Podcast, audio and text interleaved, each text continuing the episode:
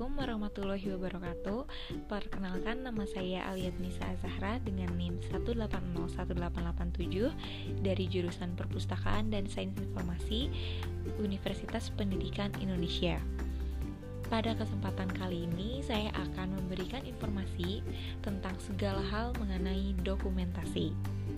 Pertama-tama, saya akan mengawalinya dengan konsep dasar dokumentasi. Istilah dokumentasi berasal dari kata dokumen yang dalam bahasa Belanda disebut documents, dalam bahasa Inggris disebut document. Kalau kita mengacu ke bahasa Inggris, maka istilah dokumen dapat merupakan kata kerja yaitu to document serta kata benda yaitu dokumen. Kata kerja to document berarti menyediakan dokumen, membuktikan dengan menunjukkan adanya dokumen. Sebagai kata benda, dokumen berarti wahana informasi, data yang terekam atau dimuat dalam wahana tersebut beserta maknanya yang digunakan untuk belajar, kesaksian, penelitian, rekreasi, dan sejenisnya. Dan demikian, dokumen bisa mempunyai konotasi yang berbeda serta ruang lingkup yang sedikit berlainan. Sebagai bukti tertulis, dokumen merupakan bukti asli yang berguna untuk mendukung kebenaran atau keaslian suatu keterangan.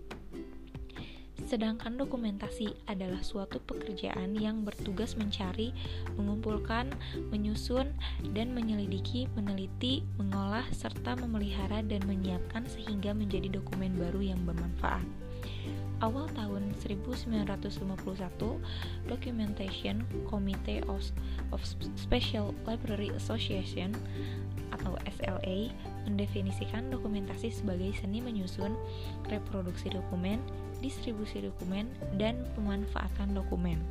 Perbedaan antara dokumen dan dokumentasi terletak pada Dokumen difokuskan pada benda atau informasinya, sedangkan dokumentasi difokuskan pada kegiatannya. Dokumen bukan merupakan unit kerja, sedangkan dokumentasi merupakan unit kerja. Dokumen bersifat pasif, sedangkan dokumentasi bersifat aktif. Dokumen digunakan sebagai alat bukti, sedangkan dokumentasi mengolah data, mengolah dan menyiapkan dokumen baru. Dokumen menunjang penelitian, sedangkan dokumentasi menyiapkan keterangan untuk penelitian. Selanjutnya, dokumentasi terbagi menjadi dokumentasi primer, sekunder, dan tersier. Dokumen primer berisi laporan penelitian dan aplikasi teori. Dokumen ini biasanya merupakan penyajian formal pertama dari hasil penelitian dalam literatur tercetak atau elektronik. Misalnya, publikasi pertama dari hasil penelitian ilmiah adalah suatu dokumen primer. Contoh dari dokumen primer yaitu majalah, makalah, disertasi, dan paten. Dokumen sekunder berisi informasi mengenai dokumen primer. Dokumen sekunder biasanya karya yang mengemas ulang, menata kembali, menginterpretasi ulang, merangkum, mengindeks, atau dengan cara lain menambah nilai pada informasi baru yang dilaporkan dalam literatur primer seperti bibliografi, katalog, majalah, indeks, majalah abstrak, dan daftar isi. Dokumen tersier merupakan dokumen yang berisi informasi mengenai literatur sekunder. Dokumen tersier adalah karya yang mendaftar sumber primer dan sekunder dalam sebuah bidang subjek spesifik. Karya yang mengindeks, menata, dan mengumpulkan sitasi ke karya sekunder dan menunjukkan bagaimana menggunakan sumber sekunder. Sebagai contoh adalah buku teks, buku panduan literatur, dan bibliografi dari bibliografi. Selanjutnya, terdapat pola distribusi dokumen. Yang pertama ada analisis sitiran, yaitu suatu studi terhadap kutipan yang berupa daftar pustaka dari sebuah teks, artikel jurnal, disertasi mahasiswa, atau sumber lainnya dengan melakukan pemeriksaan terhadap bagian tersebut. Contohnya seperti rujukan, perhitungan sitiran, pasangan bibliografis, kositiran, aplikasi, rumus keusahaan publikasi ilmiah, dan lain-lain. Manfaatnya yaitu mengidentifikasi karya-karya inti, mengelompokkan sumber-sumber menurut literatur yang disitir yang memiliki kesamaan, mengetahui jenis-jenis literatur yang digunakan penulis, dan mengetahui rata-rata pertumbuhan dan keusangan literatur. Yang kedua, terdapat dalil akar kuadrat produktivitas ilmiah. Salah satu metode yang dapat digunakan untuk membahas produktivitas pengarang adalah metode bibliometrika. Bibliometrika merupakan suatu metode penelitian dalam bidang perpustakaan dan informasi yang menggunakan analisis kuantitatif dan statistik dalam menyelesaikan permasalahan. Untuk menganalisis literatur secara kuantitatif dalam bibliometrika, salah satunya adalah hukum Lotka yaitu untuk menghitung produktivitas pengarang. Menurut Lotka, jika ada 100 orang yang menghasilkan satu artikel, akan ada seperempat dari 100 orang yang menghasilkan dua artikel. Akan ada sepersembilan dari 100 orang yang akan menghasilkan tiga artikel, dan akan ada seper 16 dari 100 orang yang akan menghasilkan empat artikel. Demikian seterusnya. Ini yang disebut hukum kuadrat terbalik Lotka mengenai produktivitas pengarang. Artinya bahwa ada hubungan terbalik antara jumlah dokumen yang ditulis dengan jumlah pengarang yang menulis artikel. Dan yang ketiga ada distribusi majalah. Selanjutnya, pusat dokumentasi dan informasi.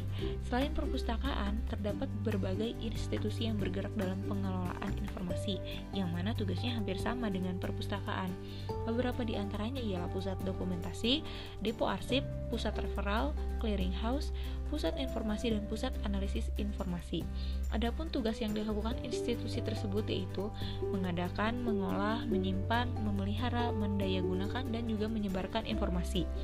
Menurut Sulistyo Basuki, kelompok pusat dokumentasi terdiri atas Pusat Dokumentasi Nasional yang merupakan pusat dokumentasi milik pemerintah yang meliputi semua cabang ilmu pengetahuan serta memberikan jasa bagi semua jenis memakai. Dan yang kedua, Pusat Dokumentasi Swasta, yaitu milik perusahaan swasta yang melakukan kegiatan jasa untuk umum. Dan yang terakhir, terdapat deskripsi bibliografis, yaitu pembuatan dan penyusunan data bibliografis dari bahan perpustakaan Peraturan standar yang berlaku secara internasional adalah Anglo-American Cataloging Rules atau AARC versi 1988 yang merupakan revisi dari terbitan 1967 dan 1978. Peraturan deskripsi AARC 2 berdasarkan pada kerangka kerja International Standard Bibliographic Description atau ISDB. Pedoman ini terdiri atas ISDB untuk buku, pamflet dan lembaran tercetak, ISDB untuk sumber berkesinambungan, ISDB untuk materi kartografis, ISDB untuk musik, ISDB untuk rekaman suara, ISDB untuk rekaman video, ISDB untuk artefak tiga dimensi, ISDB untuk bentuk mikro, ISDB untuk sumber elektronik, ISDB untuk manuskrip, dan yang terakhir ISDB untuk bagian dokumen atau analisis. Sekian pemaparan mengenai dokumen atau dokumentasi dari saya. Mohon maaf bila ada kesalahan atau kurang. Wabillahi taufiq wal hidayah. Wassalamualaikum warahmatullahi wabarakatuh.